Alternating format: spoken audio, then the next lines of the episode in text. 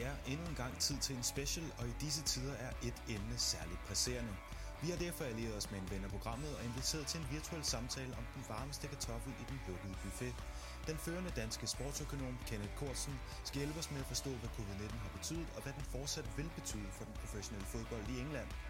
Derudover skal der snakkes overtagelse af Burnley og ingen overtagelse af Newcastle, og selvom Søren er alene på pinden, er samarbejdet stadig stolt med Merit Media og Radio 4's Talent Lab. Det her er en PL Taktiko Special. Ja, og velkommen til dagens udgave af PL Taktiko. Mit navn er Søren Kirkegaard Åby, og som I kan høre, så er det helt lidt anderledes i dag. Min kære medvært Morten tager sig en velfortjent pause, og det betyder, at jeg må stå på egne ben i dag. Helt alene er jeg da ikke, da jeg har allieret mig med en ven af podcasten og en sand ekspert på sit felt. Og først og fremmest, velkommen til dig, Kenneth Korsen. Tak for det. Og tusind tak, fordi du vil være med. Du har jo været med i et afsnit i foråret tidligere, øh, men til dem, der ikke skulle have hørt det, så øh, kan du kort lige præsentere dig selv, og måske lige fortælle lidt, øh, hvad der er sket i dit liv siden sidst. Ja, jamen siden, øh, siden sidst, øh, så er jeg egentlig øh, gået fra at være holdtræner inden for fodbolden. Jeg har rykket øh, OB's øh, kvindehold op i, i ligaen i juni, og så siden gået over til en, en rolle som strategisk rådgiver øh, for bestyrelsen i, i moderklubben, og også med, med ansvar for nogle forskellige koncepter, både på og uden for banen i, i klubben på tværs af ungdom øh, og elite og bredde. Okay, øh, hvordan var det at lave den overgang? Jamen altså, det, det er jo en mulighed for at, at komme ind i en ny rolle i fodbolden og for at danne sig nogle øh, erfaringer den vej igennem. Nu har jeg været fodboldtræner i igennem de sidste 15-20 år, tror jeg, og øh, gik jo også øh, tilbage i januar 18 fra en, øh, en rolle i OB, hvor jeg var træner for klubbens Danmarks øh, hold og havde været tæt på, på øh, på Superligaen og på U19-holdet i forhold til det samarbejde, vi har haft derimellem øh, i klubben, over til en ny rolle på daværende tidspunkt i, i kvindeafdelingen. Og det er noget af det, jeg, jeg drevet af som person, altså det her med udvikling, og det, øh, at jeg kan danne mig forskellige erfaringer inden for, inden for fodboldens øh, univers, og det har jeg ikke fortrudt, altså det har været en rigtig spændende rejse også i, i kvindefodbolden, selvom det var nyt for mig, jeg overtog et hold, som øh, i efteråret øh, 2017 havde overlevet tre point over stregen i den tredje bedste række, og så havde vi en fantastisk rejse over en periode på to og et halvt år, der kulminerede i juni øh, 2020 med en oprykning til, til ligaen. Så det, det var en fantastisk rejse, og det var også noget, der gjorde mig klogere på min, min egen ledelsesmæssige kompetencer inden for fodbolden, fordi der selvfølgelig er forskel på at træne øh, drenge og piger, eller øh, mænd og kvinder. Ja, og det er godt at høre, det går godt op i det nordjyske. Øh, I det her afsnit, der har vi dig jo med som sportsøkonom, men det er måske ikke alle vores lytter, der lige kan, øh, der ved, hvad en sportsøkonom er. Så kan du fortælle lidt om det, og hvad din ekspertiseområde er? Jamen altså, sportsøkonomi er jo er jo også et, et øh, felt inden for økonomiens verden, men, men et felt, hvor der selvfølgelig er nogle, øh, forskelle på, på den måde, man anskuer økonomien øh, på, og på de parametre, der er i spil, kontra den økonomi, der findes i mange andre brancher. Altså et eksempel, det er jo det her med, som vi jo også var inde på i, i podcasten i, i foråret, at det at vinde øh, har, har afgørende betydning inden for, for sportsøkonomien. Øh, øh, ud fra sådan en økonomisk øh, vinkel. Så, så på den måde er det selvfølgelig noget andet end en anden almen økonomisk øh, teori. Men altså, jeg skrev i sin tid øh, Ph.D. på Handelshøjskolen i Aarhus, det der senere blev til, til Aarhus Universitet, øh, hvor jeg kiggede på strategisk sportsbranding og kobling mellem sportsbranding, sportsledelse og sportsøkonomi, og hvordan man sådan ligesom kan øh, opbygge et sportsbrand og lede hele brandingprocessen, men også kapitalisere på det. Så det her med at, at, at kigge på nogle økonomiske perspektiver inden for, for sportens verden var interessant for mig også, fordi jeg selv har en kant mærk øh, baggrund og øh, en baggrund også med en, med en MBA, så jeg har været meget præget af den her handelshøjskole tilgang, og, og det har jeg så koblet med en interesse for sportens verden, og så er der kommet rigtig meget fokus på, også i forskningsmæssig henseende på, på fodboldøkonomien, fordi jeg selv har, har spillet elitefodbold og, og også har en, en erfaring som, som træner inden for, for fodbolden på både bredde og senere på i elite-niveau. Ja, og øh, det er jo som bekendt øh, økonomien inden for fodboldens verden, vi skal kigge på i dag i den her special. Øh, så programmet det handler om sportsøkonomien inden for Premier League, og vi optager her den 16. januar, cirka klokken er ved at være 9.30. Øh, og dagens emner de er som følgende. Øh, vores første emne det er covid-19 og dens effekter på økonomien i Premier League-klubberne. Så har vi øh, januar transfervinduet, det saudiarabiske konsortiets fejlslående køb af Newcastle United, så har vi ALK Capitals opkøb af Burnley FC, og til sidst så har vi nogle tankeeksperimenter, øh, tankeeksperimenter lige ved smidt på dig, Kenneth. Øh, så jeg ved ikke, er du øh, frisk på at gå i gang? Ja, det, det er helt fint. Øh, jeg har set frem til, til snakken her, altså jeg synes, det, det er spændende, og også med den tid, vi, vi lever i lige nu, hvor der er en, en pandemi, som jo alt andet lige øh, også har sat sin tydelige fodspor på, på sportsøkonomien og på, på fodbolden. Og lige præcis. Det er det, vi vil gå i gang med at give os i kast med med første emne, øh, covid-19 og dens effekter på økonomien i Premier League-klubberne. Først og fremmest, så sidst vi snakkede omkring øh, Premier League og økonomien, der var covid-19 jo lige på sit tidligste stadie, øh, og vi har ikke rigtig set, hvad det vil have eftervirkninger endnu. Først og fremmest, når vi lige snakker om alt det her med økonomien i fodboldklubber, så vil jeg lige starte med, når vi kigger på Deloitte Money League, hvor de øh, kigger på de rigeste klubber i verden og deres indtægter. Øh, der vil jeg lige starte med over for vores lytter og understrege, hvad det er for nogle kategorier, man sidder og kigger på hvis nogle fodboldklubber, øh, så man har en bedre forståelse, når vi sidder og snakker om det. Øh, Deloitte Money League deler dem ind i tre kategorier øh, i forhold til indtægter i sådan en Premier League-klub og generelt fodboldklubber. Den første, den hedder matchday, det vil sige kampdag, altså de indtægter, der kommer for eksempel fra billetter. Så er der øh, den anden kategori, den hedder commercial, altså kommerciel øh, indtægter. Og den sidste, det er broadcast, altså tv-rettigheder osv. Så, videre. så det er de tre hovedpunkter, de får øh, indtægter fra. Øh, og nu vil jeg smide lidt over på dig, Kenneth, helt overordnet. Hvordan har covid-19 så påvirket fodboldverdenen generelt? Jo, men altså, fodboldverdenen er jo, er jo, øh, er jo en branche, som falder ind under den samlede øh, sportsøkonomi og, og sporten og, og idrætten, hvad enten det er på plan eller på eliteplan, er jo en refleksion af det omkringliggende øh, samfund. Og øh, derfor kan man sige, at når samfundet er, er presset, som mange virksomheder jo har været eller til stadighed er øh, på grund af, af den her globale pandemi, så det er jo også noget, der påvirker øh, fodboldverdenen i, i høj grad. Altså hvis vi starter opfra i, i sportshierarkiet, så har den her generelle sportsøkonomi på global plan lidt under øh, coronapandemien. Det er der ingen tvivl om. Øh, og den gør det stadigvæk. Altså sport øh, og idræt er, som jeg siger, den her refleksion af,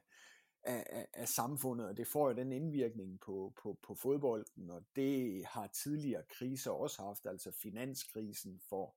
øh, år tilbage var jo også et eksempel på det, men, men forskellen er her, at i modsætning til, til en finanskrise, vi, vi, vi kender til den her finanskrise, der var der for cirka 10 år siden, jamen så er coronakrisen værre, som jeg ser det, fordi produktionsapparatet i perioder har stået fuldstændig stille. Øh, mens det i andre perioder har opereret i en devalueret udgave, så, så sportsøkonomien, såvel som fodboldøkonomien, trænger, som jeg ser det, til at komme tilbage til normaliteten fra, fra før øh, pandemien. Og man kan også kigge på, på forskellige undersøgelser, altså jeg tror, øh, både Deloitte og KPMG og andre revisionsfirmaer har været ude og, og slå på tromme tilbage i, i foråret 2020, da øh, vi første gang så, at regeringen begyndte at lukke ned, at det her vil få katastrofale øh, følger for, for sportsøkonomien. Så galt er det ikke øh, gået endnu, hvis jeg, hvis jeg kigger på det. Og det handler jo om, at mange gange, når man analyserer noget, så tager man jo nogle gange udgangspunkt i et worst case øh, scenario. Det er vi jo ikke øh, endt i nu, hvor vi har set øh, adskillige konkurser men, men øh, derfor er tidsfaktoren jo også vigtig, altså øh, den situation, vi står i nu, er ikke øh, endt med det her worst case scenario, og noget af det, der er blevet projekteret fra Deloitte eller KPMG eller lignende analyser, det, der er vi landet et sted midt imellem, hvor det selvfølgelig har haft en, en negativ indvirkning, men, men øh, dertil er det også vigtigt at sige, at pandemien er jo ikke slut endnu. Jeg skrev selv et indlæg tilbage i, i foråret 2020 på min blog kennethkortsen.com øh, omkring øh, den her krise, når et produktionsapparat øh, står stille i, i sportens verden. Og øh, noget af det, jeg betonede der, det var jo de risici, der var forbundet med, hvad sker der nu, hvis der kommer en anden bølge, og den står vi jo midt i lige nu. Hvad sker der, hvis der senere hen kommer en tredje bølge, og der er det her tidsperspektiv, som jeg ser det, sindssygt vigtigt, fordi, øh, fordi undersøgelser også netop viser, at allerede nu, så kan vi se alene på tabte billetindtægter, at sportsligaer verden over har øh, tabt rigtig mange penge. Ikke? Altså det her går direkte ind og, og rammer den motor, som får sportsøkonomien til at drive rundt eller til at køre rundt, og det, det er jo fans, altså fanforbruget omkring sport er jo begrænset. Øh, hele den her sportsturisme, der også er en del af, af fodbolden, altså det at man, når man er i Barcelona, besøger Camp Nou, eller hvis man er i England,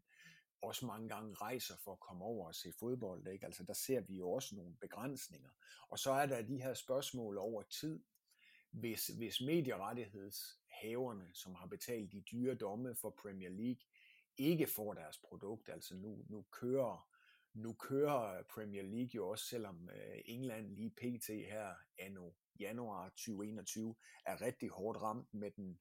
den nye mutation af, af virusen, så kører Premier League stadigvæk, og det handler jo også om, at man skal til gode se øh, den her vigtige interessant, som medierne jo er, fordi Premier League jo i høj grad har vist, at de kan tjene penge på,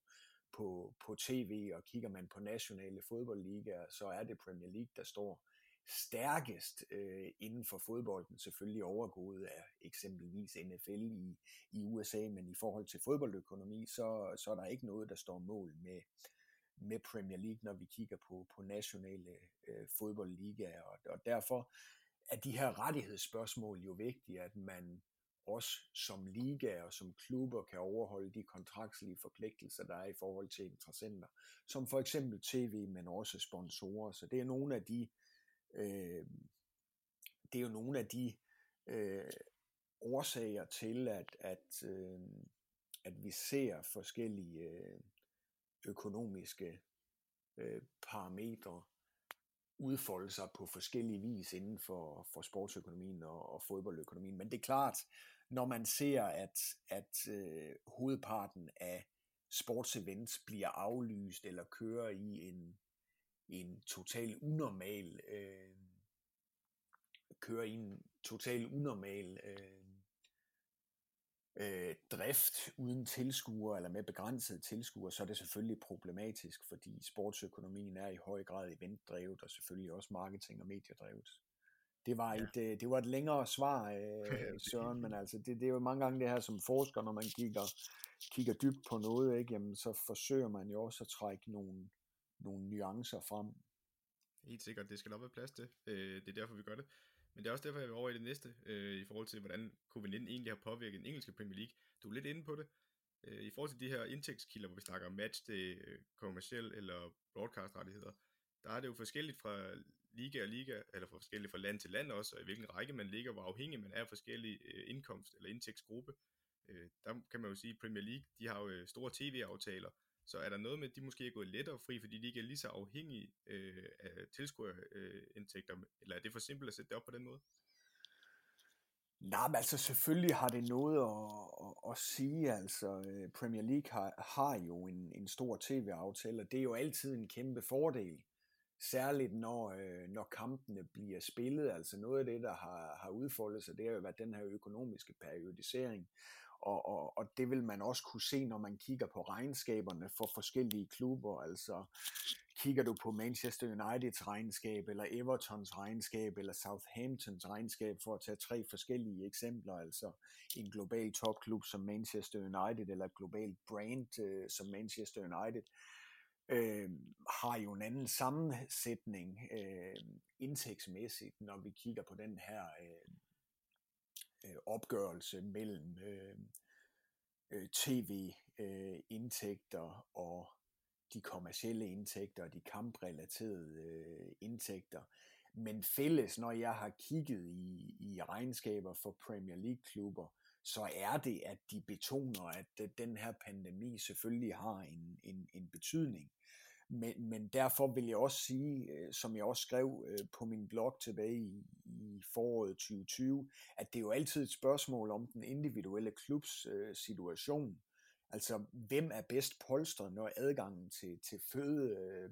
er, er begrænset? Ikke? Øh, man kan sige, at Premier League står over tid, som jeg ser det, i en god situation. Men, men i England har vi også set, og det er også noget, det ligaen har kommunikeret ud, at der er stor bekymring om den økonomiske betydning i England øh, grundet øh, pandemien i forhold til, hvordan niveauerne under Premier League vil klare sig, fordi vi ser jo også det her skæld mellem Premier League og Championship i forhold til, at niveauerne under Premier League ikke er så begunstiget af, af, af tv-pengene. Øh, altså Manchester United skrev øh, direkte i deres regnskab, at indtægtsgenereringen for det år, som blev afsluttet i, i øh, udgangen af juni 2020, jamen at det selvfølgelig har haft en, en mærkbar effekt øh, på, på, på klubbens økonomi, og jeg tror, det var Everton, det kan, det kan du kigge nærmere på, men jeg mener, det var Evertons øh, formand, der sagde i deres regnskab, at det her, det har været, øh, det har været øh, det hårdeste år, jeg tror, han brugte betegnelsen, the toughest year i, i deres øh, regnskab, så vidt jeg, jeg husker, øh, nu nævnte jeg Southampton også, at de er jo heller ikke nogen undtagelser. Der bliver, der bliver der også nævnt det her med, med øh, besøg øh, på, på klubbens øh, fysiske platforme, altså stadion og, og lignende, og så det her med, at øh, periodiseringen selvfølgelig var, var mærkbar i, i et regnskab, og det er det jo generelt i en, i en fodboldøkonomi, hvis man, hvis man udsætter kampe eller lignende, og nogle af at, at, eller den beslutning får så selvfølgelig øh, en, en indvirkning, fordi indtægtsgenereringen bliver, bliver forskudt, altså man får indtægter ind senere, hvis, hvis der kommer forsinkelser i, i øh, produktionsapparatet. Det er jo ikke anderledes end, end økonomien i en, i en virksomhed, altså hvis man hvis man i en IT-virksomhed øh, arbejder meget på produktudvikling, og det ved man, det er dyrt, og, og man har ikke et produkt, der er på markedet, jamen, så får man ikke indtægter ind, og det, det æder al likviditeten. Sådan er, sådan er økonomisk øh, styring jo også. Øh, så øh, helt klart har der jo været en, en forskydning, og, og derfor er det også et problem, at man nu står i en bølge 2, og der er usikkerhedsmomenter omkring en potentiel øh, bølge 3, og hvad gør den nye øh, virusvariant, som er mere smitsom, fordi fælles for, for de her regnskaber er det som sagt, at at man understreger den negative betydning. Øh, Manchester United siger det jo også i forhold til deres museum, deres øh, øh, flagship megastore øh, drift på, på, øh, på, på stadion, men men jo også det her med, at, at øh, de kamprelaterede øh, indtægter selvfølgelig lider under, at man ikke har haft øh, tilskuere på, på stadion i, i samme grad, eller har helt spillet uden øh, tilskuere, og at der, der har været kampe, der først kommer ind i, i regnskabet øh, næste år, fordi, fordi der var forskydninger i, i afslutningen på, på ligaen. Så, alt andet lige, så øh, har det også haft sin betydning i, i Premier League. Ja, og øh, hvis jeg lige skal opsummere sådan generelt det, du er inde på, så er det jo, at der er den her skævvridning mellem for eksempel Premier League og så de nedre engelske rækker, fordi der er en større afhængighed af tilskuerindtægter, fordi de ikke har de samme tv-aftaler og får de samme penge ind på den måde. Øhm, og der har vi jo tidligere også berørt nogle af vores tidligere afsnit, at der har været indgået aftaler mellem Premier League og et øh, Football League under dem, øh, det vil sige Championship, øh, League 1 og League 2, hvor Premier League-klubberne har vist lidt mere solidaritet og har givet dem forskud på nogle penge og nogle indtægter, så de har kunne få det til at køre rundt under øh, pandemien. Så er der også inde på, at der er nogle forskelle i selve Premier League, for eksempel afhængighedsgraden af tilskuerindtægter her også, for eksempel Manchester United, der har en stor øh, kommersiel appel, øh, Øh, også på verdensplan, og får store sponsorindtægter, får også en større bid af kagen i forhold til tv-indtægter, fordi de som regel slutter højere i Premier League. Øh, der så vi jo også tidligere, øh, inden Premier League fik lov til at blive sparket i gang, af en klub som Burnley, vi også kommer ind på senere, jamen de var utrolig afhængige af tv-indtægterne, og de, der, der, jeg mener deres formand, øh, jeg tror han hed, hedder, eller hedder Mike Garlic, øh, og var formand, daværende formand, var ude at udtale, at de var jo reelt bange for, at de kunne gå konkurs, hvis de fik lov til at få åbnet op for Premier League igen. Øh, det er jo alligevel markant, at klubber, der har så store indtægter, øh, stadigvæk øh, følte, at der var risiko for, at de kunne gå konkurs, inden der blev åbnet op igen. Ja, det betoner jo også øh, både afhængigheden af, af tv-penge i Premier League, men jo også øh, det her med, at der er en polarisering fra Premier League og så øh, ned til, til, til de underliggende øh, ligaer i det engelske system, men jo også i selve ligaen. Jeg skrev øh, en artikel, jeg tror det var i Sport Business Journal Daily i USA for et par år siden, hvor vi sammenlignede den, jeg skrev den sammen med en medforfatter fra USA, hvor vi sammenlignede den amerikanske model med den europæiske sportsøkonomiske model, og øh, i Europa handler det jo meget om at maksimere de sportslige øh, resultater, hvor, øh, hvor der er andre øh, tilgange i USA, hvor det handler mere om at være profitmaksimeret, og der er den her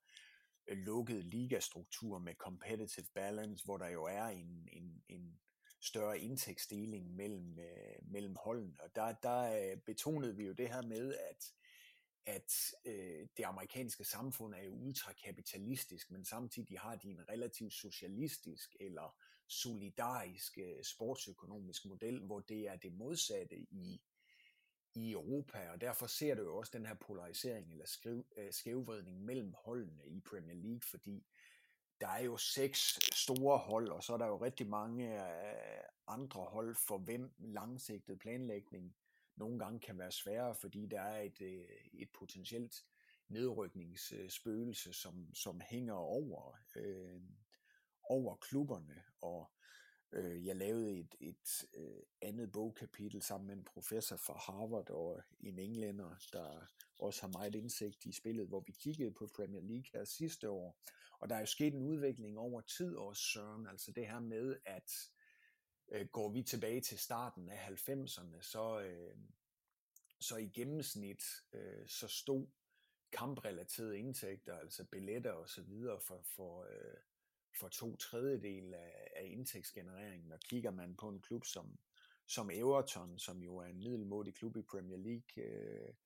jamen så, øh, så ligger man på, på cirka 10% i dag, når vi kigger på de kamprelaterede indtægter. Og det er jo med til at understrege, hvor, hvor stor betydning tv har i dag. Og, og så er jeg lidt tilbage til min sammenligning med finanskrisen tidligere her i, i udsendelsen, hvor jeg siger, at vi kan ikke sammenligne corona direkte med en, en finanskrise, fordi det her kommer bare så pludseligt. Der har ikke, øh, der har ikke været samme muligheder for at, for at planlægge og, og yderligere. Så under finanskrisen, der har produktionsapparatet jo, jo stadig kørt,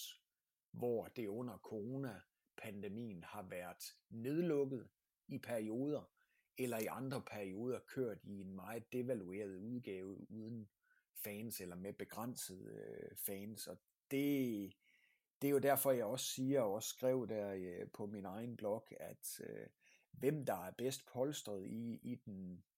i den situation, når krisen pludselig opstår, jamen det får stor betydning, øh, når, når adgangen til, til føde er begrænset. Det vil sige, hvis man står i en situation som klub, hvor der, der kan være problemer omkring, øh, om, om, omkring driften i økonomisk forstand, altså det her med, at man taber penge på, på driften og har et begrænset øh, kapitalberedskab og samtidig klarer sig dårligt sportsligt. Altså det er jo bare en, det er jo bare en dårlig cocktail, og det er også noget af det, der kan være med til at forklare, hvorfor mange udenlandske øh, investeringsgrupper lige nu synes, det kan være interessant at købe sig ind i europæisk fodbold, fordi der er jo mulighed for indimellem at gøre en god handel, fordi øh, klubberne kan være billigere til salg på grund af, af pandemien. Men det er en diskussion, øh, jeg tror, vi kommer ind på øh, senere, når du i introen nævnte eksempelvis Burnley. Ja, absolut, og den tanke skal du helt sikkert holde fast i. Men nu bliver jeg nysgerrig på, fordi du nævner øh, korrekt, at Everton er ikke særlig afhængig af billetindtægter. Det var omkring 10% af deres samlede indtægter, der stammer fra matchday revenue. Øh, så det er noget, jeg i hvert fald har spekuleret over, når jeg sidder og ser de her Premier League-klubber, der har lukket et par tusind tilskuere ind, eller et par hundrede tilskuere ind. Øh, er det overhovedet noget, der batter sådan rent indtægtsmæssigt? Det er jo en ekstrem lille gruppe af fans, så der skal jo stadigvæk noget til at holde det her stadion kørende, så de kan komme ind. Altså er det rent symbolsk, eller får de nogle indtægter, der giver nogen mening for det? Jamen, jeg synes jo, at hele investeringspsykologien er interessant. Hvorfor er det, at man køber sig ind i, i sport eller i fodbold, og hvorfor vælger man at, at købe sig ind i Premier League, i stedet for at købe sig ind i den danske Superliga, eller købe sig ind i den hollandske, belgiske eller portugisiske liga, hvor der kan være flere upsides på transfer, fordi man ligger lavere i det sportsøkonomiske hierarki og kan sælge til øh, top 5 ligaer, som eksempelvis Premier League. Det, det er jo også en interessant øh, diskussion, men hvorom alting er, så, så er det jo så er det jo faninteressen over tid, som er med til at bestemme styrken af et øh, sportsbrand. Og, og Premier League har jo et enormt fanfølgeskab på global plan, og det hænger også sammen med tv-aftalernes betydning, som vi har været været inde på her. Så, så jeg er da med på, at, at på kort sigt, og hvis man kigger på regnskaberne og på det, jeg nævner omkring Everton og, og andre klubber, alle Everton, sammenlignet med de globale øh, topklubber, eller med hvordan øh, tingenes tilstand var i starten af 90'erne, da man, man startede Premier League, jamen så er der jo sket nogle ændringer. Og øh, det kan være nemt at så sige, jamen fordi øh, Evertons øh, kamprelaterede indtægter kun udgør cirka 10%, så er de ikke så vigtige. Når jeg kigger på regnskaberne, så bliver det jo også slået fast, at man taber penge, fordi man ikke har fans på stadion, og fordi forbruget under pandemien er mindre. Øh, og så er det jo sådan, at i det store samlede regnskab, så har det ikke så stor betydning, men det har det jo over tid. Fordi det er netop den her faninteresse, der har skabt øh, det her globale Premier League øh, brand, som har en enorm øh, stor brandstyrke inden for, for, for sportsøkonomien. Så det er jo altid et spørgsmål om at kigge på, på det korte sigt og på det lange sigt, og der er økonomi jo også nogle gange sådan, at hvis man tænker på at spare nu her, øh, så kan man jo godt risikere på, på den front øh, og, og, og tage penge på, på, på lang sigt, og, og hvorom alting er, ikke, jamen, så er klubberne jo bare afhængige af, at der også er fans på lægterne, fordi altså nu er jeg selv fodboldmand og, og fodboldfan, og når jeg sidder og ser kampe på tv,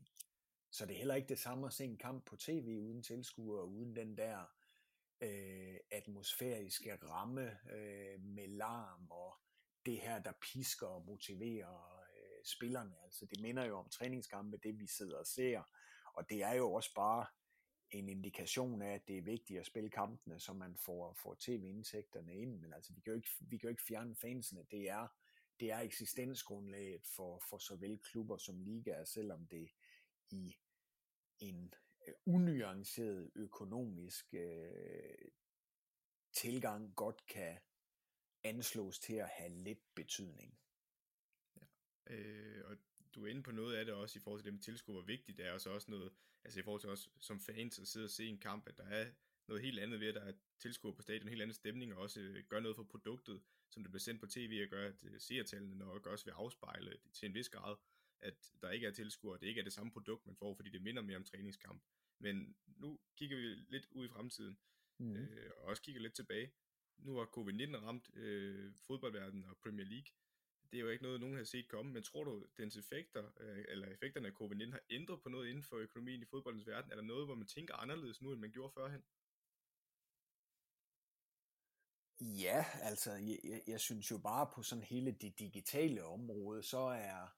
så er, er pandemien jo med til at understrege, at, øh, fan engagement, som jeg er inde på, er sindssygt vigtigt. Øh,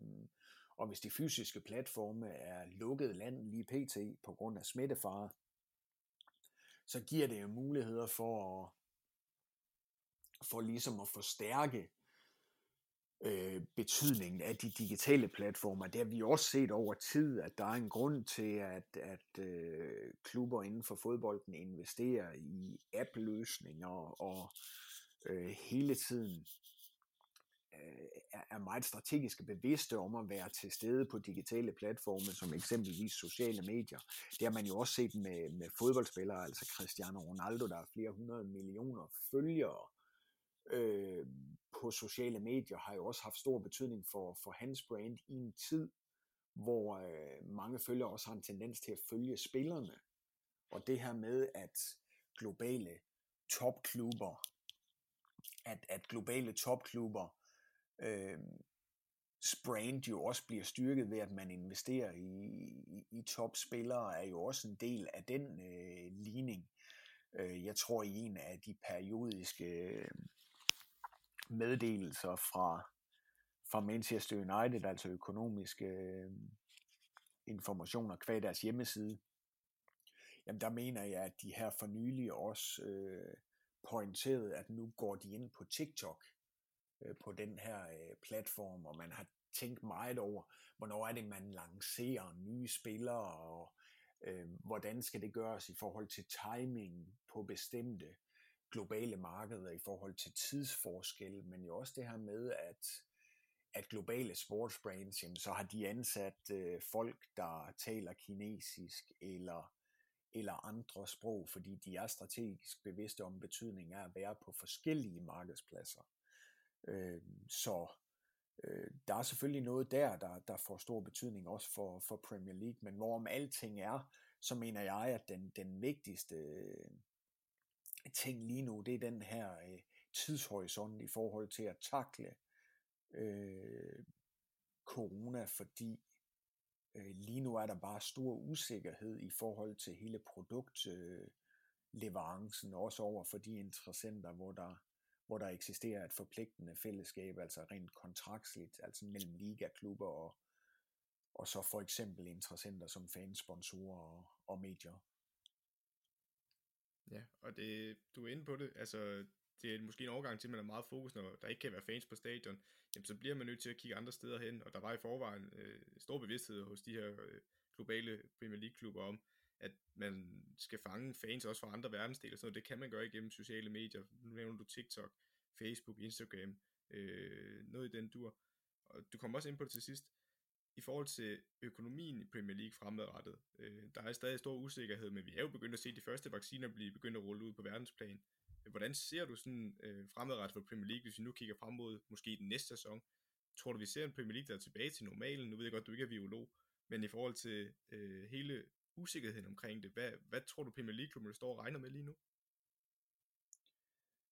Der er jo, der er jo helt sikkert en usikkerhed, fordi øh, jeg tror, da vi stod i det her øh, for cirka et år siden, vi hørte øh, de første informationer fra Wuhan i, i Kina, Øh, og så et par måneder senere, da vi kom ind i marts, så øh, stod vi lige pludselig med nedluk- øh, nedlukninger i, i Europa, og det fik stor betydning for, for fodbolden, og der tror jeg, at der er mange, der har tænkt, at øh, det er ikke noget, der vil tage så lang tid,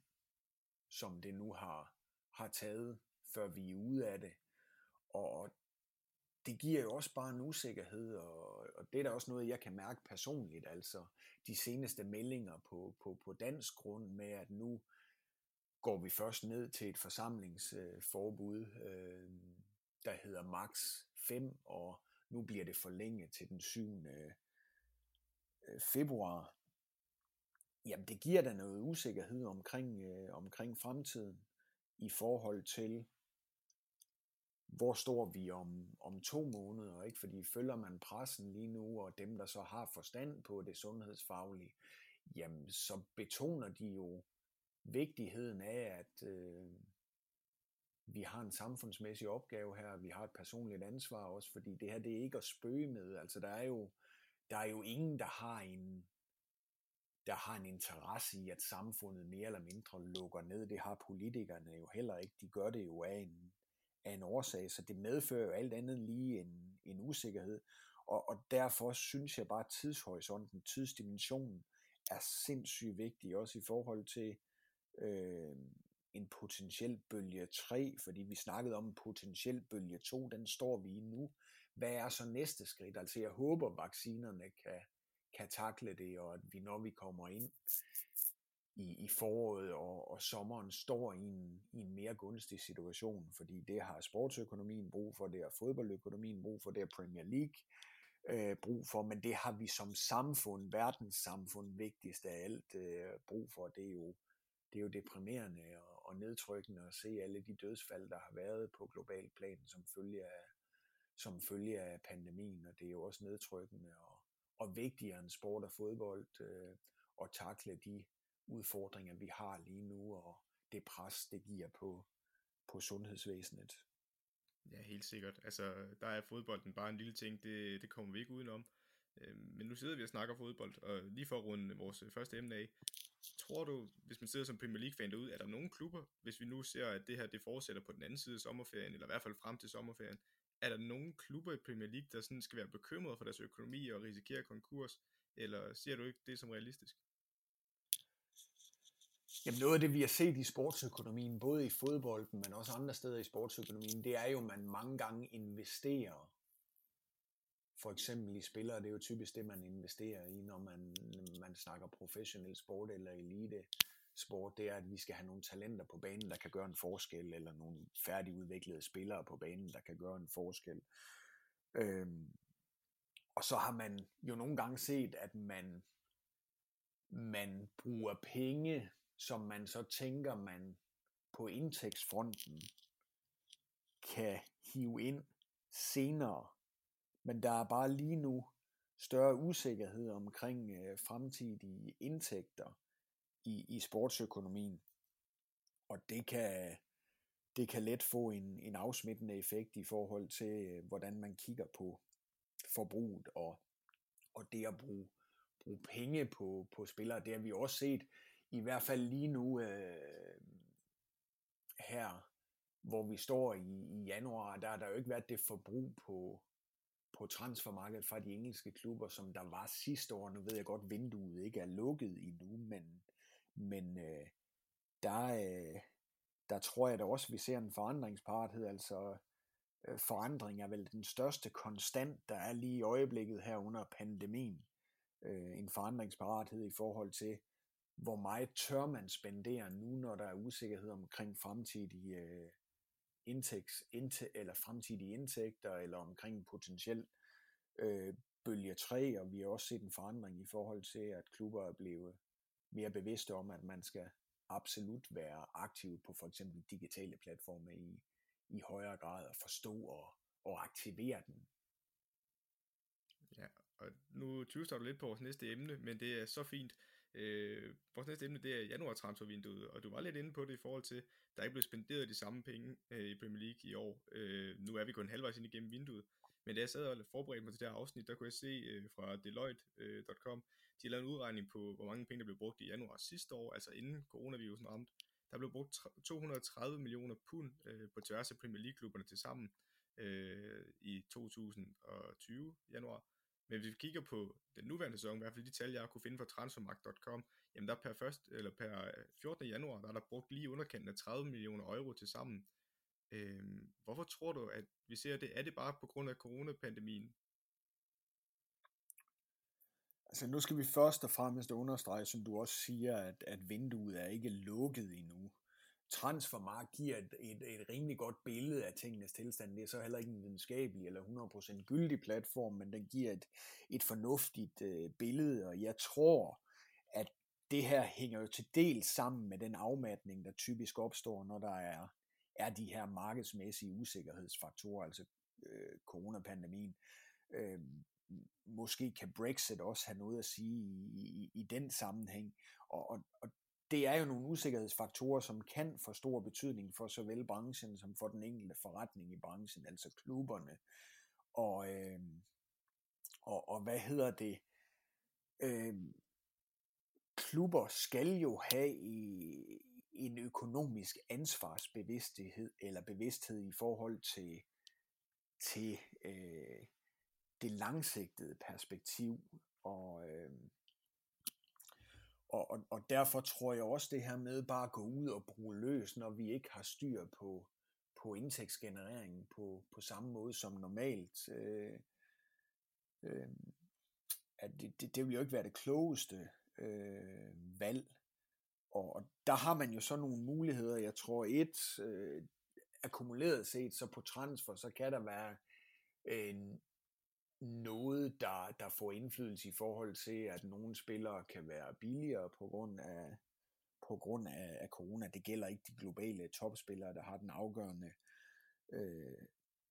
indflydelse på, på, på banen, men, men der kan jo også være noget om, at man vælger andre strategier, altså at man ikke går ud og betaler store transferbeløb, men måske kigger mere på, på låne- eller lejeaftaler. Øhm, det, det kan også være en, en,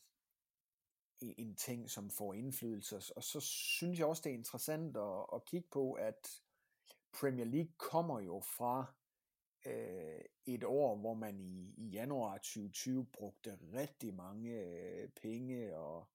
øh, det er heller ikke så lang tid siden øh, det seneste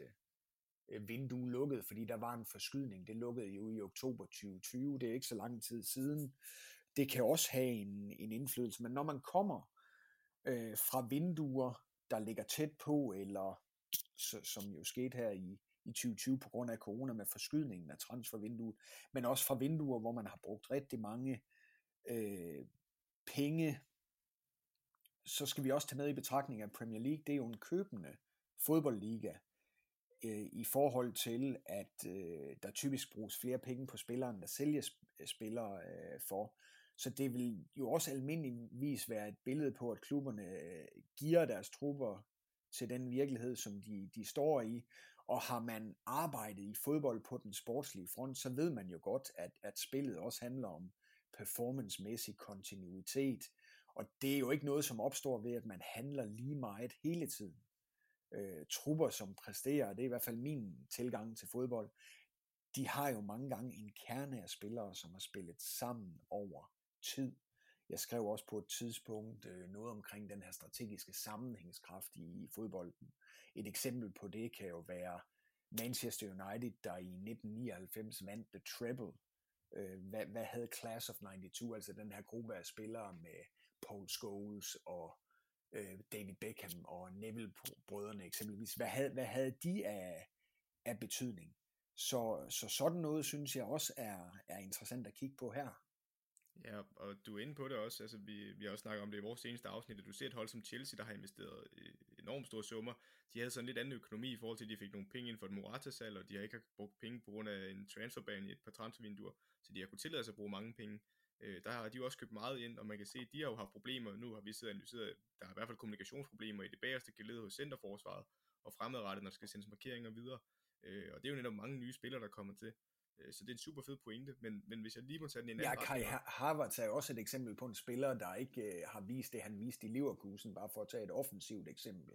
Ja, lige præcis. Der er også en Timo Werner for eksempel, der var store forventninger til i starten af sæsonen, har også haft sine momenter, men ikke kunne, eller kontinuerligt kunne score de antal mål, man gerne vil se. Men hvis jeg må tage den i en anden retning, så er du inde på, at øh, for de største klubber, øh, når vi kigger på de her globale stjerner, så er, bliver der stadig kastet store summer afsted, i hvert fald i sommertransfervinduet, eller efterårvinduet, hvad vi skal kalde det. Men der var jo alligevel en episode, hvor Jadon Sancho blev rykket til Manchester United igennem medierne, og efter sigende i hvert fald, hvad Dortmund var ude med ud, jamen, så var der jo også bud på ham, og det bud lå jo omegnet de 80 millioner pund, øh, sådan som medierne i hvert fald også melder det, hvor Dortmunds evaluering, den lå op omkring de 100 millioner pund, og måske i tidligere vinduer, i hvert fald mit postulat, kunne man godt forestille sig, at Manchester United havde sagt, jamen det er jo en spiller, ung engelsk spiller, vi ligger lige de ekstra 20 millioner pund for ham. Det så vi ikke her gang. United de stylede på det her beløb, så det er sjældent, man ser en øh, global topklub som Manchester United style over det beløb. Øhm, men der, hvor jeg gerne vil tage den hen, det er, der kan også opstå, som du er inde på, i forhold til, at man øh, køber en spiller som Dortmund, der er en klub, der, selvom det er en tysk topklub, er vant til at sælge til Premier League og nogle af de andre store klubber,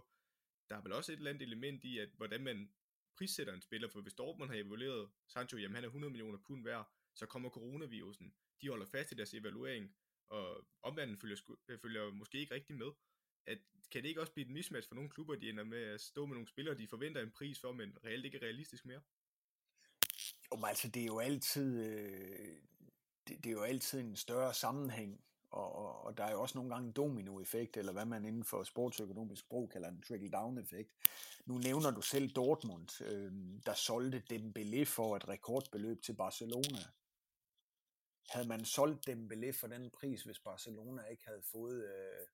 fået kassen for at sælge Neymar til Paris Saint-Germain, da man brød øh, transferrekorden?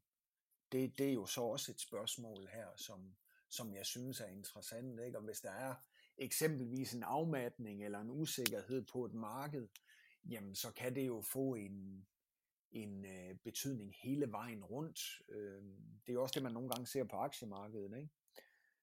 Øh, så, så jeg forsøger ligesom også at se tingene i en, i en større helhed, og, og der tror jeg helt sikkert, at pandemien har noget at sige, og du kunne også se det øh, i sidste forår, at, øh, at nogle af de større organisationer, der kigger på, på øh, eksempelvis fodboldøkonomi, det kunne være øh, CIES i, i Schweiz, øh, det her Football Observatory, de, de kiggede jo også på, at, øh, at øh, spillernes værdi var faldet hen over øh, coronakrisen. Så det er jo også nogen, der så har lavet analyser, hvor man egentlig øh, understreger din pointe her i forhold til, til Dortmund, øh, Manchester United eksemplet omkring Sancho. Ja, og hvis vi kigger også noget, nu vil jeg lige tage bunden af Premier League også, øh, det er jo tæt i bunden igen i år i Premier League, men vi har ikke rigtig set nogen hold i nedrykningszonen, altså nu tænker jeg mest på Sheffield United, West Brom og Fulham, de har ikke lavet de store investeringer i nye spillere i det her transfervindue, men der er jo et kæmpe økonomisk incitament til at blive Premier League, og vi har jo tidligere set hold som Queen's Park Rangers, der gik hårdt efter at overleve Premier League og brugte rigtig mange penge i et januar transfervindue, øh, og så kom de ned i Championshipen og har været stort set økonomiske problemer lige siden. Øhm, men hvorfor ser vi ikke nogen af de her klubber gå ud og sige, jamen, hvis vi nu hentede en angriber, eller hentede en midtbanespiller i måske et afmattet marked, jamen det kunne måske være det, der gjorde forskellen på, at de overlever. Mm. Hvorfor ser vi ikke dem tage, øh, tage en chance på den måde? Jamen et, vinduet er ikke lukket endnu, som, som jeg har pointeret, men, men det handler jo om de her risiko, der er forbundet med det. Altså, så, så det er jo også vigtigt, at man inden for fodboldøkonomien ikke øh, handler i panik. Altså det handler også om ikke bare at gå ud og at, øh, at forstærke sig for at forstærke sig. Så den her balance mellem øh, køb og, og, og risici er selvfølgelig øh, vigtig også i forhold til, hvordan det spiller sammen med markedskræfterne. Og der er markedskræfterne jo bare lige nu øh, præget af den her pandemi, men så er det jo også moden på, øh, hvordan man vælger at forstærke sig. Altså Fulham ligger jo i den tunge ende, eksempelvis. Øhm, og de har jo hævet den Joachim Andersen ind. Joachim Andersen blev jo berømt i den danske fodboldøkonomi, fordi han øh, satte transferrekord, da han blev købt af Lyon. Og ham har Fulham jo ikke købt i Lyon. Øh, men der har man lavet en, en lejeaftale, ikke? Jo, det er du fuldstændig ret i. Han er også gået ind og blevet anført på holdet, og virkelig blevet en øh, markant profil i deres centerforsvar. Så det er måske nogle, øh, som du også har været inde på tidligere, nogle lejeaftaler og øh, nogle andre øh, knapper, man kan skrue på ned i bunden, så man ikke løber de her store økonomiske risici. Ja, øh, og, og, og så synes jeg, at det, det er også interessant at kigge på, altså det har jeg også skrevet om tidligere, at jeg ser transfermarkedet som sådan et transformationsøkonomisk fænomen. At det er jo altid et spørgsmål om, at når der skal ske transaktioner, hvad enten man, man smider spillere ud, altså sælger dem, eller hiver spillere ind, køber dem, så er det jo et spørgsmål om, at man gør det ud fra en forudsætning om rent strategisk, at de sætter et positivt præg, altså er, er medskaber af en positiv transformation så kan man sige, det er mere komplekst end som så. Øh, og det er jo også noget af det, man nogle gange finder ud af, når man, man, man selv står eller har stået i fodbolden og skal hive spillere ind, og, eller har kigget på spillere og unge talenter, hvor man siger, at ham der eller hende der stod måske nummer 5, 6 eller 7 i køen, men er endt med at og, og blive solgt til et, et, et, et stort beløb. Ikke? Altså, øh, nu har jeg selv været på, på træningsbanen, også når vi spillede mod U19 i sin tid i, i OB, hvor der var en Joachim Mæle, der kom op sammen med en gruppe af talentfulde spillere. Han er lige året fra, fra Belgien til Atalanta, ikke? med et stort prisskilt. Ikke? Så, så der er jo en kompleksitet. Øh, det var jo det, man håbede på ville ske i OB dengang, ikke? Men, men der er jo ingen garantier for det. Og, og, og derfor synes jeg, det er, jo, det er jo interessant at kigge på, jamen, hvad er, det, hvad er det for nogle faktorer, der er på spil, når man skal kigge på, på køb og, og salg af spillerne, og, og, og, og, og hvad, hvad er vigtigt øh, at kigge på her. Øh, og, og der synes jeg også, det handler om sådan holistisk tilgang. Ikke? Altså hvis man skal have succes inden for en kontekst, så er det jo et spørgsmål om at have en kontekstuel øh, forståelse. Øh, og, og det er jo noget af det, jeg synes gør det interessant. Øh, og øh, og kigge på, på transfervinduet, fordi der netop hele tiden er den der dynamik eller, eller transformation på, på, på, på spil. Og der synes jeg ikke altid, vi kigger for meget på, hvad er det egentlig klubber øh, kigger på, når de skal evaluere køb af og, og salg af, af spillere. Men der kan man jo se, at det er også forskelligt fra klub til klub. Øh, man kan jo se, at nogle af dem, der har været øh, nogle af de mest imponerende inden for det, i hvert fald fra min synsvinkel, det er jo en klub som Leicester City, der i mange år øh, har ligget med i toppen nu, specielt efter Brendan Rodgers er kommet til, at der er kommet mm. en, øh, en mere stabil præstation for dem hvert år. Man kan jo sige, at de bruger jo ikke samme store beløb, som dem, de ligger og bokser med omkring sig. Altså hvis vi kigger på Everton, hvis du kigger på Chelsea, øh, Tottenham, Manchester United, de er jo bedre til at, øh, eller i hvert fald rigtig dygtige til deres spillerrekruttering, og til at øh, videreudvikle spillere, og så sælge dem videre for en høj pris. Vi kan tage en Harry Maguire for eksempel. Øh, der er en Ben Chilwell, de også har fra egen aflag. De er jo nogle af de bedste til det inden for branchen. Hvad det, altså, hvis du køber min præmis, hvad er det så en klub som Leicester er rigtig god til? Hvad er det, der adskiller dem fra andre? Jamen altså, nu synes jeg også, altså vores egen øh, Kasper Schmeichel er jo også i, i, i Leicester, og Leicester alt respekt for dem, men det er jo ikke en global øh, topklub som i brandmæssig øh, sammenhæng, men de gør det rigtig godt lige nu og spiller med i, i toppen af, af Premier League. Jeg havde også selv fornøjelsen af at se dem øh, sidste år, da de mødte øh, Liverpool på, på øh, Anfield, altså hvor jeg så dem live. Og jamen bare Kasper Schmeichel også, for at tage ham som, som et eksempel, eller en Jamie Vardy, altså de har virkelig leveret over tid, og det der med at levere over tid og bevare øh, sulten og motivationen er jo sindssygt vigtigt. Vi så også, hvad Schmeichel leverede under, under VM i, i, i Rusland, og derfor havde jeg faktisk set ham som en spiller, der ville ryge ind til, de, til en af de helt øh, store øh, adresser i, i fodboldøkonomien. Og så er det jo et spørgsmål om, som du selv siger, scouting, rekruttering, men også når man har identificerede øh, talenter eller færdige udviklede spillere, der kan gøre en forskel, så bliver det jo et spørgsmål om at videreudvikle dem, om at, at sørge for at bevare motivationen, om at, at, at, at fastholde øh, nogle af de faktorer i en trup, som øh, sikrer, at man, man opretholder og opnår en performancemæssig kontinuitet over en længere periode. Det var også noget af det, jeg synes, Ferguson øh, var rigtig dygtig til, da han var manager i, i Manchester United, og nu ved jeg godt, at man, man har succes lige nu i United, øh, hvis vi kigger på tabellen lige her, som den ser ud nu i, i januar 2021. Men United har jo famlet over flere år, og har ikke rigtig kunne, kunne genfinde den rytme, de havde under Ferguson. Og det var også fordi, han arbejdede med, med for eksempel Sigmoid-kurve, altså det her med at kigge på,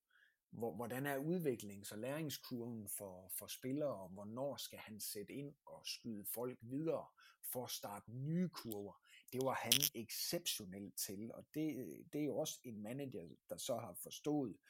øh, konteksten ud fra sådan en helhedsorienteret øh,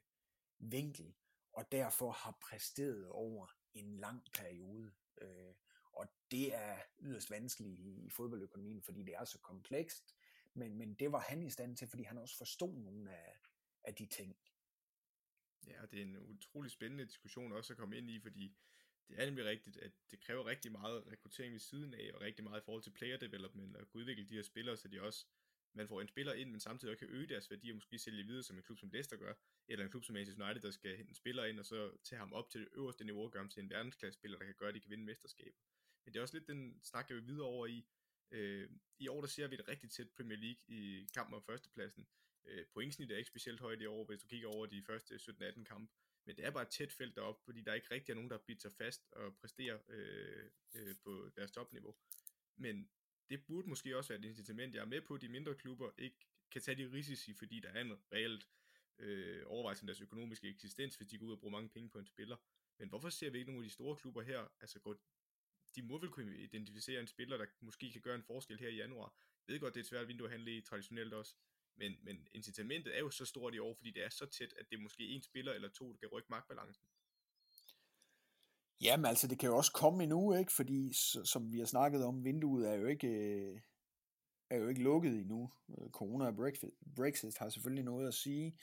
Øh, men, men hvorom alting er, fordi, fordi jeg synes, det er jo et interessant spørgsmål. Altså det handler jo også om trupsammensætningen, Søren. Det vil sige, at, at en fodboldklub jo hele tiden kigger på performance i forhold til såvel det korte øh, som det lange øh, perspektiv. Og der synes jeg jo, at data er blevet endnu mere værdifuldt i, i fodboldøkonomien over tid. Øhm, men, men igen, det er komplekst, det er ikke bare data, det er også en spillers øh, personlighed. Altså vi har set, Balotelli har jo været i Premier League, og har også været i, i Liverpool, og, og det er jo en spiller, der, der har et uomtvisteligt talent, men, men hvor det aldrig som for alvor blev, blev godt, øh, og derfor det her omkring personlighed og mulighed for at passe ind i, i klubben og truppen er jo også vigtigt, fordi igen, øh, den her transformationsøkonomi, får du de forkerte folk ind, så kan det jo også lynhurtigt øh, koste. Og, og, og når øh, talen falder på, på data, så vil der jo være en, en lang række faktorer, som øh, er vigtig. Altså det handler jo ikke om det, som, som medierne fremstiller, at her der er en spiller, der har løbet x antal meter i, i løbet af kampen. At det er jo mere nuanceret og sofistikeret end som så. Altså det her med, at en spiller har løbet 10 km i den her kamp, det er som jeg ser det relativt intetsigende i, i fodbold, hvor tid og rum er, er altafgørende, og, og det afhænger af en større øh, sammenhæng. Men, men strategi bliver jo også vigtigt her, øh, Søren. Altså Messi eksempelvis, hvis vi snakker data, han scorer sindssygt højt i accelerationen fra, fra 0 til 5 meter. Og hans evner i små rum, det er jo et perfekt match, og har været det over tid for, for FC Barcelona øh, og, og klubbens spillestil. Og der kan man jo argumentere for, at hvis vi tager et, et spansk eksempel, at Griezmann som spiltype passer mindre godt, øh, mere end spiller, der har været vant til omstillingsfodbold eksempelvis. Øh, og der kan jo også argumenteres for, at Messi så endnu stærkere ud, øh, da FC Barcelona havde spiltyper som Xavi og Iniesta. For det er også vigtigt at erkende, at, at sammenhængskraften på et fodboldhold er, er mega vigtigt. Øh, og, og, og nu har jeg også kendskab til, til, til datafolk i Premier League, og, og selv de allerbedste datafolk i, i fodbolden, og her der snakker vi altså topklubber i Premier League som Liverpool, som Manchester City, de har endnu ikke øh, knækket koden med at skabe en, en meget valid kobling mellem data og spillestil endnu. Øh, så det er jo også vigtigt at understrege, at kompetencer og kvalificering af data, det er jo et skrevet om i et bogkapitel i 2018, hvor Liverpool også var, var involveret i det. Det bliver afgørende øh, ingredienser, når øh, klubberne ofte kigger ind i de samme datasæt og, og systemer, og når alt kommer til alt, så er den mest øh, valide vurdering af fodboldspillere jo noget, som også sker over tid. Altså fodboldspillere er ikke bare robotter, og du er inde på det her omkring Chelsea med nogle af deres spillere, Kai Havertz og Timo Werner. Øh, altså spiller jo ikke bare robotter, og derfor så kan det jo ikke nødvendigvis forventes, at de, de præsterer fra dag et, øh, da der kan være en, en tilvændingsperiode, også for eksempel, hvis en udenlandsk spiller, nu kommer de så fra Tyskland, men hvis en udenlandsk spiller kommer fra et varmt klima til England hen over vinteren, eller kommer fra en bestemt måde at spille på i en liga under sydligere himmelstrøg til, til Premier Leagues fysiske hårdhed. Altså fodbold er, er et spil med et stort niveau af, af randomness, altså der er en række faktorer, som, øh, som afgør den her randomness, altså det er et low scoring game, der er langt til målet osv., men, men for at minimere den her randomness eller tilfældighedernes spil, så handler det jo om tid, og det handler om sammenhængskraft, og sammenhængskraft skabes over tid. Jeg havde en, en kronik i tipsbladet om det, øh, i relation til Champions League og, og strategi, som jeg skrev tilbage i, det har enten været i, i 2015 eller 16, Øh, og jeg havde også en lignende skriv til en engelsk side om, om Tysklands succes ved VM i 2014, eller Englands øh, mangel på samme, som jeg i øvrigt snakkede med BBC om på, på daværende tidspunkt. Og det er jo nogle af de ting, som jeg også synes er interessante i forhold til, hvorfor har vi ikke lige set nogle af, topklubberne nødvendigvis investere her nu. Det er jo også fordi Liverpool og City eksempelvis er blevet professionaliseret over tid, og ikke bare gå ud og handle, hvis vi tager Liverpool øh, som eksempel, på samme måde som de går under Hicks and Gillett, og efter Guardiola er kommet til i, i City, så er der også kommet andre boller på suppen i forhold til vigtigheden af strategi og, og sammenhængskraft. Ja, og, og Ken, lige præcis det, du kommer ind på nu, er også noget, jeg tager med over til vores snak i nuværende transfervindue. Øh, Liverpool for eksempel, øh, vi så tidligere i starten under FSG, at de hentede Andy Carroll, man kan så sige, at de hentede Suarez i samme vindue, Øh, men de har jo fået en helt anden tilgang til at hente spillere, også i forhold til, at de har hentet en Balotelli. Øh, det er jo mere for eksempel, at selv sådan noget som at snakke med en spillers øh, kæreste eller kone, jamen det bliver også gjort, hvor spilleren bliver vist rundt i Liverpool, og så er der andre, der går og snakker med spillerens kæreste eller kone eller omgivelser, for at få en bedre forståelse af personen bag spilleren, så det ikke bare er de her hårde data, men man også skal have ham til at indgå i et fællesskab. Øh, men der, hvor jeg egentlig vil tage den hen, det er, at du er også ret i, at selvfølgelig er de ikke bare, øh, nu mangler vi en centerback, så går vi bare ud og henter den første og bedste, der har spillet i Premier League i år. Det er jo slet ikke sådan, det er, at de planlægger jo, de store klubber og dem, der har succes med transfervinduer, de planlægger jo også flere transfervinduer ude i fremtiden, så for eksempel er de jo allerede i gang med at planlægge sommerens transfervindue, eller næste vinters transfervindue, eller øh, det efterfølgende sommervindue, at de, de gør det langt ud i fremtiden. Men man må alligevel kigge på en klub som Liverpool og sige, Van Dijk var de jo også meget stedige med, at det skulle være ham, så selvom transferaftalen med Southampton, den brød sammen, og Southampton ville ikke snakke med Liverpool, så holdt Liverpool lav profil og hentede ham så senere hen til januar. Øh, men de var fuldstændig fokuseret på, at det ikke var andre end ham, de ville hente. Det var lige præcis den profil, de skulle bruge. Der kan man jo også se sig så blind til sidst jo, fordi nu står de jo uden Van Dijk og Gomes, der nok er ude resten af sæsonen. De har en Joel Matip, der er meget skadespladet og måske ikke kan spille mod Manchester United i morgen i topbraget. De har solgt det Lovren i sommer.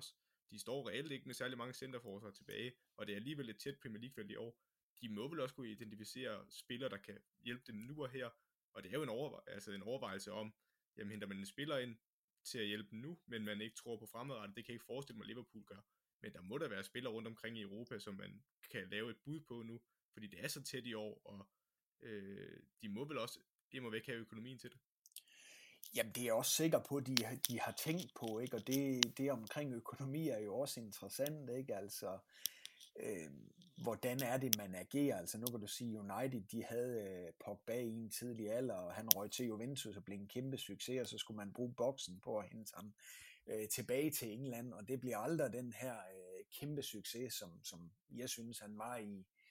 i, i Juventus, og det er jo et spørgsmål om, har man den helhedsorienterede tilgang, når man når man handler, eller gjorde United det på daværende tidspunkt, fordi nu skreg alle de eksterne interessenter på, at United som global topklub skulle handle oven på nogle, øh,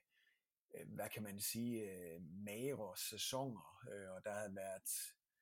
øh, også ligesom det her med at forsøge at finde sig selv ovenpå, at Ferguson var stoppet, og nu, nu nævner du så Liverpool, og, og vi lavede selv øh, lederudvikling med Liverpool og London School øh, of Business and Finance, øh, tilbage i 2013 og 2014, og der fik jeg allerede dengang indsigt i The Liverpool Way og deres måde at, at gøre det på rent strategisk, og så øh, ser vi jo i dag virkelig øh, aftrykket af, af deres nuværende ejerskab, altså Fenway Sports Group fra, fra USA, og der øh, ser jeg en klub øh, som Liverpool, der, der netop har taget en, også en, en stærk vej frem performancemæssigt over de seneste øh, år, baseret på stærkt arbejde og en solid øh, strategisk tilgang hertil. Altså du har øh, sportsdirektøren derovre, Michael Edwards, øh, men også teamet under ham øh, Ian Graham, der er Director of Research, øh, i øvrigt med en Ph.D. i fysik, det er jo også meget interessant i forhold til databehandling. Og, og, og hvordan øh, Ian og resten af, af datateamet derovre under øh, ledelsen af sportsdirektør Michael Edwards øh, har haft stor betydning for, for klubbens måde at, at arbejde på, og, og der er Liverpool kommet langt siden det her problematiske ejerskab under Hexing Gillet, der også førte klubben i, i gæld, og, og, og så synes jeg, det er vigtigt at understrege, at de handler ikke bare i panik derover, det ved jeg, øh, fordi det betoner vigtigheden af det gode ejerskab, de har, altså hvem er det Fenway er, og hvad er deres interesse i data, og, og, og folk, der kender mig til sportsøkonomi, ved jo godt, at øh, har man set øh, filmen øh, Moneyball eller læst bogen fra Michael Lewis med, med samme titel, så er baseballkulturen i USA jo netop meget datapræget i forhold til hele den her tilgang, øh, øh, man kalder sabermetrics, øh, som også jævnfører Moneyball eksemplet øh, blev taget frem af Billy Bean øh, og Oakland A's i, i The Bay Area eller San Francisco-området, Oakland, øh, til, til, tilbage i, i, i, i tiden. Men, men det er sjovt det her, fordi jeg synes, det er interessant. Jeg var selv med i en fanbaseret øh, podcast sidste år, altså fangruppen i OB, og det har været i, i efteråret 2020, og det var, øh, altså noget af det, vi kom ind på i den podcast, var også, at OB havde solgt Patrick Olsen. Og, og når spillere som, som Patrick har gjort det godt øh, i en klub, som han gjorde i, i OB, så vil der jo ofte fra de eksterne omgivelser, fanmiljøet, sponsorerne, medierne, være et pres. Altså fodbolddiskussioner er jo alle steds nærværende i fodboldøkonomien, og det synes jeg også er charmen ved verdens mest populære sport, men, men selvom Liverpool er, er ramt af skader hos profiler, og vi, vi kender jo for eksempel Van Dijks betydning for, for holdet, jamen så er det klart, at øh, der kommer et pres, men som nævnt, vinduet er ikke øh, lukket endnu, og, og Liverpool har netop fået succesen de senere år ved øh, ikke at bukke under for, for det eksterne pres, og, og, og ved ikke at handle i panik. Altså folkene derovre, de ved i høj grad, hvad de laver. Øh, og, og, og hertil skal også siges, jeg er ikke Liverpool-fan, så jeg ser det ikke som, som fan. Jeg ved bare, at de ved, hvad de laver. Så lad os nu se, hvad der, øh, hvad der sker, og, og så er det jo interessant at kigge på, hvad, hvad er en definition på økonomi? Det handler jo meget om, at man kan definere økonomi ud fra øh, produktionen, distributionen og, og forbruget af et produkt, en service eller en oplevelse. Og, og, og her synes jeg jo, så er det jo interessant at, at kigge på, hvad skal der egentlig til for at producere det bedst mulige produkt. Og det gør man jo ikke ved at handle i panik, det gør man jo med grundlæggende research og analyse og en kontekstuel øh, forståelse. Også hvor man tager hensyn til alt det, der kan have en produktionsminimerende effekt. Og der er det jo også sådan, når man kigger på produktionen af for eksempel fodboldspillere over tid, at der er en form for produktion, så det bliver lidt nørdet det her, men en form for produktions ineffektivitet i systemet. Kigger vi på dansk eller svensk fodbold, så har vi vel alle en interesse i at producere en ny Michael Laudrup, eller i Sverige en ny Zlatan. Men det er jo ikke bare lige sådan lige til. nej, nej, overhovedet ikke. Øh, og, og du har også fat i nogle øh, ting, som øh, jeg helt sikkert også øh, synes er spændende, det er, at jamen, selvom Liverpool står, de er ganske klar over, at de mangler centerforsvar, det har Jürgen Klopp som manager også er ude at sige, jamen, så afviger man ikke fra den plan, man har, og fra de data, man sidder og arbejder med. Og det er netop, som du snakker om med Moneyball. Man prøver, øh, hvis lytterne ikke øh, har læst Moneyball, så er det jo netop, at man bruger data og prøver at lave sin egen model for, jamen, hvordan identificerer vi spillere, som der passer lige ind i vores spillestil, og hvilke statistikker er det, vi ligger mest vægt på i forhold til det, der giver succes for os. Og der kan man måske finde nogle spillere, øh, som markedet ikke har opfattet. Øh, man kan fx Liverpool øh, har hentet en Andy Robertson, en Shaqiri ned for øh, nogle nedrykker, og det er jo nogle spillere, som omvendt måske ikke har set den samme værdi, som Liverpool har, men så har Liverpool så kunne, eller de spillere har så retfærdiggjort og vist, at Liverpools øh, datamodel, i hvert fald i det her tilfælde, har været rigtigt. Øhm, men hvis vi lige skal runde af for transfervinduet, helt overordnet, jamen, hvad forventer du så at se i de resterende transfervinduer for Premier League-klubberne? Bliver det stadig stille, eller tror du, der kommer lidt mere spendering, så vi kommer tættere på øh, de andre års øh, forbrug? Ja, både, både for at runde transfervinduet af, men også lige for første runde Liverpool af. Altså nu laver jeg et bogkapitel i, i 2018, øh, hvor der også var respondenter med, som, som er i Liverpool nu, og, og noget af det, der blev lagt væk på, det var også den her mulighed for at finde undervalued players, ikke? altså nu bogkapitlet, som omhandlede applikationen, øh, eller anvendelsen af teknologi og data, det var skrevet på, på engelsk godt nok, men, men øh, det var jo med til sådan ligesom at, at, at rammesætte nogle af de strategiske overvejelser, der, der var i en klub som, som Liverpool, eller klubber på, på lignende niveau, eller bare klubber, der har fået succes kvæg transfer inden for, for fodboldøkonomien, at det ikke, når man kigger på deres performance over tid, sportsligt og forretningsmæssigt, økonomisk, så er det jo ikke et, øh, et spørgsmål om tilfældigheder, men et spørgsmål om god strategi og, og indsigt eller kontekstuel øh, forståelse. Og også i forhold til nogle af klubberne, så er det jo ikke altid et spørgsmål om økonomi, som du også selv er inde på. Altså Liverpool vil godt kunne forsvare og hente en, en spiller ind, og det kan også med stor sandsynlighed være, at de gør det, inden vinduet lukker. Øh, men der er også den her mulighed, som vi har været inde på, kvæg øh, Joachim Andersen, med at hente spillere på, på, på lån. Øh, og, og der er jo øh, også tendenser, der viser, at der kan være afmatning på, på det nuværende øh, transfermarked, og at den her med lån leje øh, kan være en, en god model lige nu, også fordi øh, vi har set det være en tendens øh, på tværs af bestemte klubber, på grund af også financial fair play. Altså lige nu har,